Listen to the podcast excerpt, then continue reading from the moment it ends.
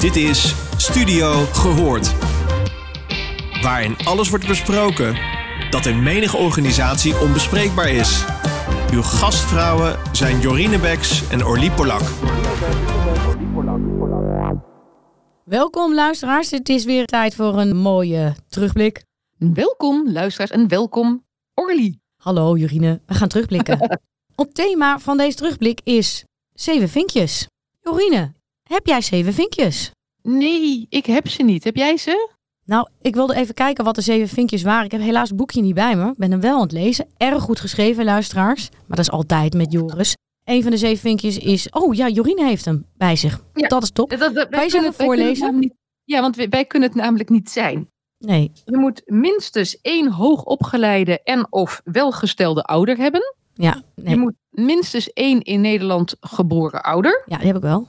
Oh nee, niet waar. Mijn Je vader is in Portugal geboren, dus dat telt ook niet. Ja, oké. Maar je moeder is in Nederland geboren. Ja, mijn vader is wel Nederlander, maar hij is officieel wegens vluchten van een oorlog Ja. die ze hier hadden ergens, 40, 45, in- onderweg naar Afrika geboren. Oké. Maar je hebt wel minstens één in Nederland. Ik maak hem heel streng, hè? Want ja, heel streng. Ja, ja, heel ja, ja, vinkjes zijn heel streng. Ja? Ben je een man? Nee, niet Nee, dat ging die bij mij ook mis. Ben je hetero? Eh, ja, Ben je wit? Ja. Heb je het gymnasium gedaan op VWO? nee, Universiteit? ja, dat wel. Eerste generatie, met voegen. Ja, nou ja. ja, als je gaat kijken naar mijn vinkjes. Ja, mijn vader heeft gestudeerd, maar uiteindelijk op. En daarom zeg ik een maar, dat kwam niet vanaf thuis. Het is niet dat hij vanaf thuis naar de universiteit werd begeleid. Heeft helemaal met eigen, op eigen kracht, zeg maar, voor elkaar gebokst met zichzelf. En later in zijn werkleven. Allebei zijn ze wel in Nederland geboren. Ik ben geen man. Ik ben wel hetero. Ik ben behoorlijk wit. Ik ben eigenlijk hartstikke wit. Even jij het ook? Een hele witte huid met sproeten. Ik doe altijd helemaal- zonnebrand op. Ja. Nu met dit weer twee lagen. Factor 30, factor 50 en dan ook nog een speciale poeder tegen de zon. Ja, nou ja, ik herken het wel, want ik ben echt één keer in de zon en ik ben rood. Ik ook. Ik heb geen gymnasium gedaan of VWO. Ik heb gezellig de HAVO gedaan. En ik heb eh, na het HBO wel ben ik naar de universiteit gegaan nadat ik ook even had gewerkt. Dus dat is mijn vinklijst. Ja, en dan is het, hoe kom je er dan tussen? Dus welke strategieën ontwikkel je nou om wel op de universiteit te komen? Misschien is dat al een eerste vraag.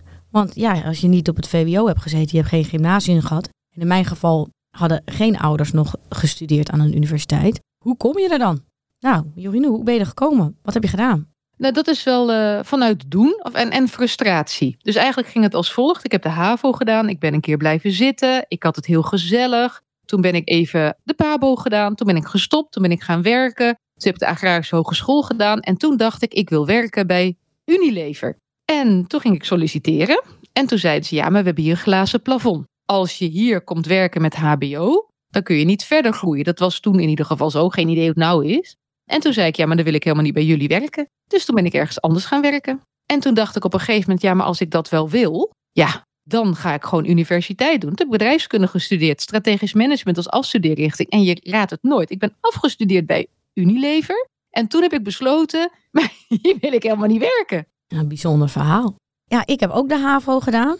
En daarna ging ik ook naar het HBO. Maar daar kon ik niet echt eh, aarden. Ik vond het echt vreselijk. Van 9 tot 5 weer in, in de collegebanken. Dus dat was niet echt een succes. Ik heb nog even een tijdje in het buitenland gezeten. En ehm, toen zei iemand tegen mij, maar jij kan toch serveerster overal worden? Dacht ik, ja, maar ik wil helemaal geen serveerster worden. Toen dacht ik, nou, dit gaat niet helemaal goed. Dus eh, terug naar Amsterdam. Staatsexamen VWO gedaan. En eh, me aangemeld eh, voor mijn eerste universitaire studie. Maar het was eigenlijk zo van, joh, ga jij nou bepalen of wat ik wel en wat ik niet kan worden in mijn leven? Ik kan alles worden. Dus dat was echt wel een soort, ja, eigenlijk weerstand van, joh, ik zal eens even laten zien dat je zonder vinkjes ook gewoon prima een vinkje zelf kan behalen. Ja, ja, en het grappig, want ik dacht inderdaad ook, ja, wat ik heel had, als, je, als ik het nou wil, hè, als ik nou echt wil, ja, dan moet je dus wat gaan kunnen. En daar je toe zet. Ik ben trouwens ook nog gaan reizen, bedacht ik me net, tussen het HBO en de universiteit. Dat heb ik ook nog gedaan in Singapore, Bali, Australië met de backpack. Ik kan ook hele verhalen vertellen over de bananenplantage waar ik heb gewerkt, om al het geld bij elkaar te verzamelen de hele tijd. Ik ging niet gesponsord eh, op backpackreis. Maar wat jij zegt, dat, je, dat, dat een ander bepaalt niet voor jou wat jouw toekomst is. Dat is eigenlijk wat je zegt, of niet? Ja, daar word ik heel Ja. strijdlustig van. En we hadden natuurlijk net een hele strijdlustige dame in onze Ja. podcast. Mega strijdlustig. Ja, intens. Want daar hadden we het er nog net over ook, hè? Van Kijk, we begonnen met die zeven vinkjes. Wat doet dat met jou, met mij? Hoe kom je ertussen? Maar wij kunnen nog best wel behoorlijk wat vinken. Ja, we kan zeker wat vinken. Maar de dame die strijdlustig was bij ons kon ook wat vinken. Dus die heeft misschien niet de witte huidskleur. Of misschien niet de ouders met de vooropleiding. Maar wel intellect. Dus als we de vinklijst een beetje creatief aanpassen, is intellect wel een vinkje. Ja, dat vind ik wel een mooie toevoeging. Want als je een wil hebt, ik zeg voor de grap dat waar een wil is, is een feestje. Daar begint het mee. Want je kunt niet willen voor een ander. Maar als je het wil, ja, kun je het dan ook. Ja, ik denk dat je heel veel kunt leren. Maar dat het wel een stuk makkelijker is als je toch een bepaalde mate van intellect hebt. Om er ook, als je net zei, tussen te komen. Ja, want het begint toch al met die opleiding. Want ook de dame die wij in de podcast hebben gehad net, die heeft wel degelijk een universitaire opleiding, is zelfs universitair docent. Dus het moment dat je dat binnen hebt, dat papiertje, want in Nederland is het toch wel heel erg, je kan jezelf sociaal alleen maar omhoog werken als je de juiste kennis, de juiste vaardigheden hebt, het juiste papiertje hebt, dan gaan wel wat meer deurtjes open dan als je dat niet hebt. Maar ik vraag me de hele tijd af, dat is toch een vinkje. En hoe zit het dan, want jij hebt die jongeren begeleid, met als je dat niet hebt, als je gewoon middelmatige intelligentie hebt of een normale intelligentie hebt, hoe staat het er dan mee? Kom je er dan nog wel tussen? Ik denk dat je dan, wat ik weet van tussen haakjes mijn jongeren, dat je ook nog te maken hebt met karakter en sociale vaardigheden. En kun je verbinden, eigenlijk je emotionele intelligentie, die natuurlijk ook nog wel een stukje helpt. Ik ben er hard op aan het denken, daar hou ik van. Want ik zit wel te denken, komt die hardop, ja, dat intellect, dat dat wel heel stevig in dat zadel en in dat plusje zit. Want ook als ik kijk naar mijn opdrachten. Kijk, ik gaf dat aan van ja, toen in die tijd zei Unilever, ja, weet je, als HBO'er. Maar het is nu nog steeds, hè? Dus als je gaat kijken ook naar consultancyopdrachten, of dan vraagt iemand wel eens aan mij: ken jij iemand? Zeg ik ja, ik ken iemand. En uh, is die goed? Ja, die is hartstikke goed. Heeft de universiteit? Nee, oh ja, daar hebben geen interesse. Ik zeg maar, wacht even. Is het zo dat iemand die universiteit heeft, per definitie ook de juiste vaardigheden en het juiste talent heeft om die beweging te creëren in teams? Want je leert het niet uit een boekje. De vraag stellen is het eigenlijk het antwoord al geven, toch? Nou, dat vond ik eigenlijk ook. Dat is een beetje iets zuur. Ja, het is inderdaad een beetje zo'n retorische vraag. En dan toch blijft het zo. En dan denk ik, nu denk ik ook weer terug aan die ene meneer, heel lang geleden, Aristoteles, die zei: Je hebt zeg maar, het gaat om het juiste midden. En dat juiste midden leer je niet uit een boekje, je leert het in de praktijk, gewoon door te doen. Ja, ik denk dat dat ook zo is, maar ik denk dat je net ook iets waardevols zei over dat een ander vinkje is die emotionele intelligentie. Want als jij er niet bij hoort, ja, je bent zeg maar 7 min. Je hebt een ander kleurtje. Oh mijn god, je bent ook vrouw. Dat is ook niet handig. Je valt misschien ook op vrouwen. Dat is helemaal niet handig.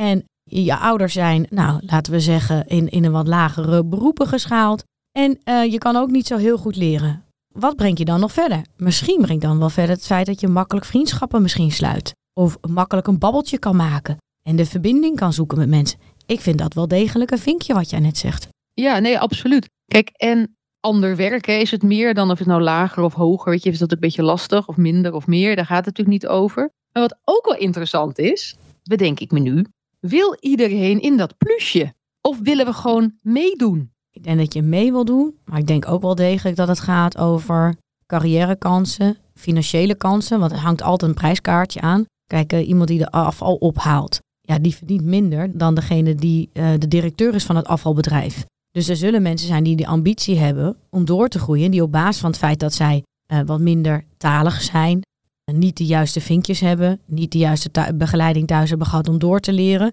überhaupt op voorhand al geen kans maken. En daar gaat het natuurlijk over met die zeven vinkjes, is dat je eigenlijk voordat je al begonnen bent, sta je al uh, uh, 7-0 achter, bij wijze van spreken. Nee, dat klopt, dat klopt. En volgens mij is eigenlijk wat je nu aangeeft, is als je die zeven vinkjes hebt, heb je gewoon een enorme voorsprong. En menig een is zich misschien dat niet eens bewust of vindt het ook ingewikkeld om te accepteren dat die wereld zo in elkaar zit. Hè? Want het is best wel confronterend dat je dus dan deel uitmaakt van die wereld, aan die bevoorrechte positie. Je dacht misschien nog, goh, ik heb er heel hard voor gewerkt. En nu hoor je, het is nogal logisch, want ik heb zeven vinkjes. Maar wat ik ook wel mooi vind, dat je het je aangaf van gelijke kansen. Hè? Dan komt het daar toch op neer. Dat, wat ik ook wel zo'n slogan die ik ook gebruik is, je verleden hoeft niet toekomstbepalend te zijn. Dus het maakt niet uit waar je vandaan komt, wat je hebt meegemaakt, wat er is gebeurd. Waar sta je nu en waar wil je naartoe? En dat daartoe, en dat is ook wat we met de jongeren doen, dat je daar bent om te helpen en te begeleiden wat nodig is voor die persoon om zijn volledige potentieel te kunnen benutten en ook wat diegene wil. Want daar komt het wel weer op neer. Want niet iedereen wil zijn of haar potentieel benutten. Het wil niet zeggen als je gymnasium hebt gedaan, dat je dat ook wil benutten, je IQ. Ja, en ik, ik denk wat interessant is aan het gesprek wat we net hadden, is welke strategie heb je voor jezelf? En één is de strategie toch wel van vechten. Ik vond het wel Ja. bijzonder om te horen dat als je een achterstand hebt omdat je een minderheid bent, omdat je niet eh, de, het, type nest hebt wat gebruikelijk op, eh, op een universiteit belandt, dat je dan het gevoel hebt dat jij moet excelleren om erbij te Ja. horen en om gehaald te worden en gerespecteerd te worden. Dus jij moet harder werken, meer presteren, meer doen dan de ander met de zeven vinkjes. Dat gevoel kreeg ik een beetje. Ja, en, dan kun je, en wat ik dan ook heb, is dat wist ik al ergens. Tenminste, voor jou is denk ik ook niet vreemd. Als je gaat kijken naar onderzoek en het doorgroeien van vrouwen, want daar kan ik me mee identificeren, want dat ben ik. Dus dat heb ik ervaren. Kun je nagaan als je nog meer afwijkt van de norm. Hoe zij dat ook zei. Als je zoveel afwijkt van de norm. Hoe, hoe ga je ermee om? En, ik, en we hadden net ook een nagesprek natuurlijk over. Wat haar enorme drive, die met mij deed. Hè? De intensiteit van, eh, van die emotie. En dat het ook mag die er zijn. Ja, die mag er zijn. Maar het effect daarvan. Ik was echt wel, gewoon echt geraakt. Ja, en ik herkende hem wel. Want ik heb ook wel eens gehad dat je zo graag wil laten zien dat je ook intelligent bent. En, en dat je ook wel een mening hebt die in ieder geval gehoord mag worden. Ik wil niet altijd zeggen dat ik gelijk heb. Dat heb ik zeker niet. Want hoe meer ik lees, hoe meer ik denk dat ik geen gelijk heb. Of dat nog ingewikkelder is dan ik al dacht. Maar het feit dat je wel een, een seat at the table hebt. En als vrouw is het, ik denk dat het misschien nog wel zwaarder weegt dan als je een minderheid bent. Al want dat ben ik ook. Maar gewoon het feit dat je vrouw bent en vaak in een, in een mannenwereld mee wil komen, is het niet altijd zo gebruikelijk dat je wat mag zeggen. En hebben we laatst op social media helaas ook toch wel een flink nare ervaring van gehad. Waarbij toch eh, de mannen erg pittig reageerden op een vrouwelijke opmerking.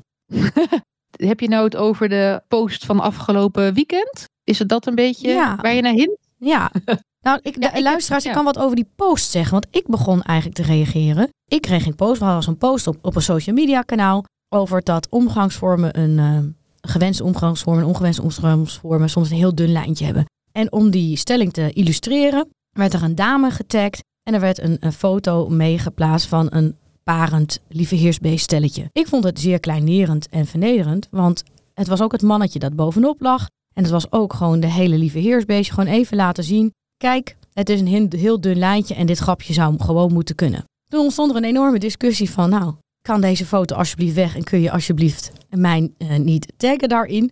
En ik reageerde op, eh, op deze post die niet over mij ging, maar dat, hoe ik mij voelde. En vervolgens ontstond er een enorme discussie, eh, die eigenlijk nog onvriendelijker was dan, dan de foto die al geplaatst was. Waar ik op een gegeven moment echt dacht, jongens, maar die, hier gaat het niet over. En als iemand tegen jou zegt, ook op wat je ook van, van vindt, en zegt van, joh, je gaat nu over een grens heen. En dit is zo publiekelijk en zo kleinerend en kwetsend. Kun je alsjeblieft in ieder geval mijn naam weghalen? Dat ik denk, jongens, wat is toch geen discussie, non-discussie. Je hebt toch gewoon fatsoen. En dan dat Ja. je dat toch dan niet doet. En dan voelde ik me als vrouw toch weer eigenlijk door, nou, misschien de normgroep even op het, op het matje geroepen of zo. Of op een nummer gezet.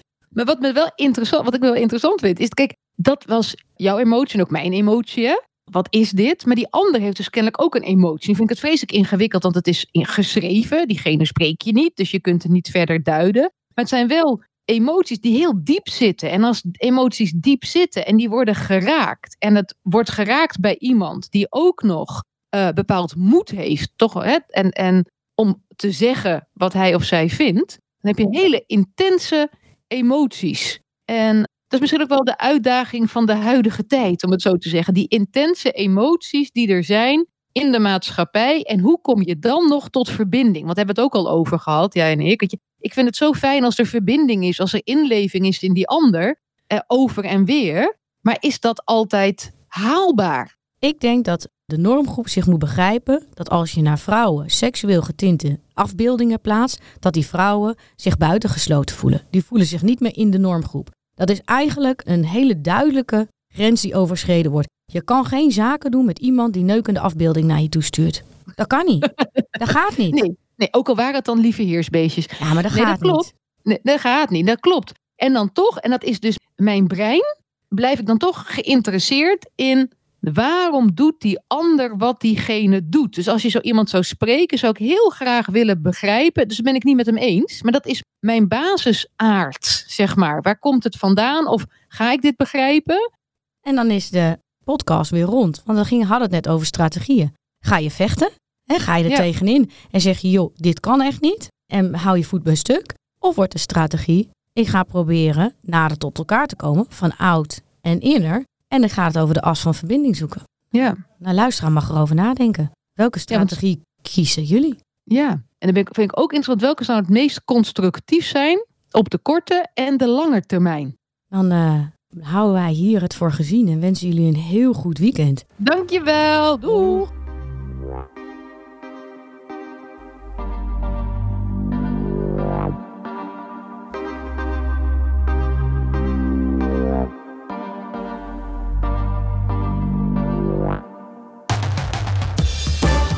Je luisterde naar Studio Gehoord. Vond je dit een leuke podcast? Laat dan een review achter bij jouw favoriete podcastplatform. Tot de volgende!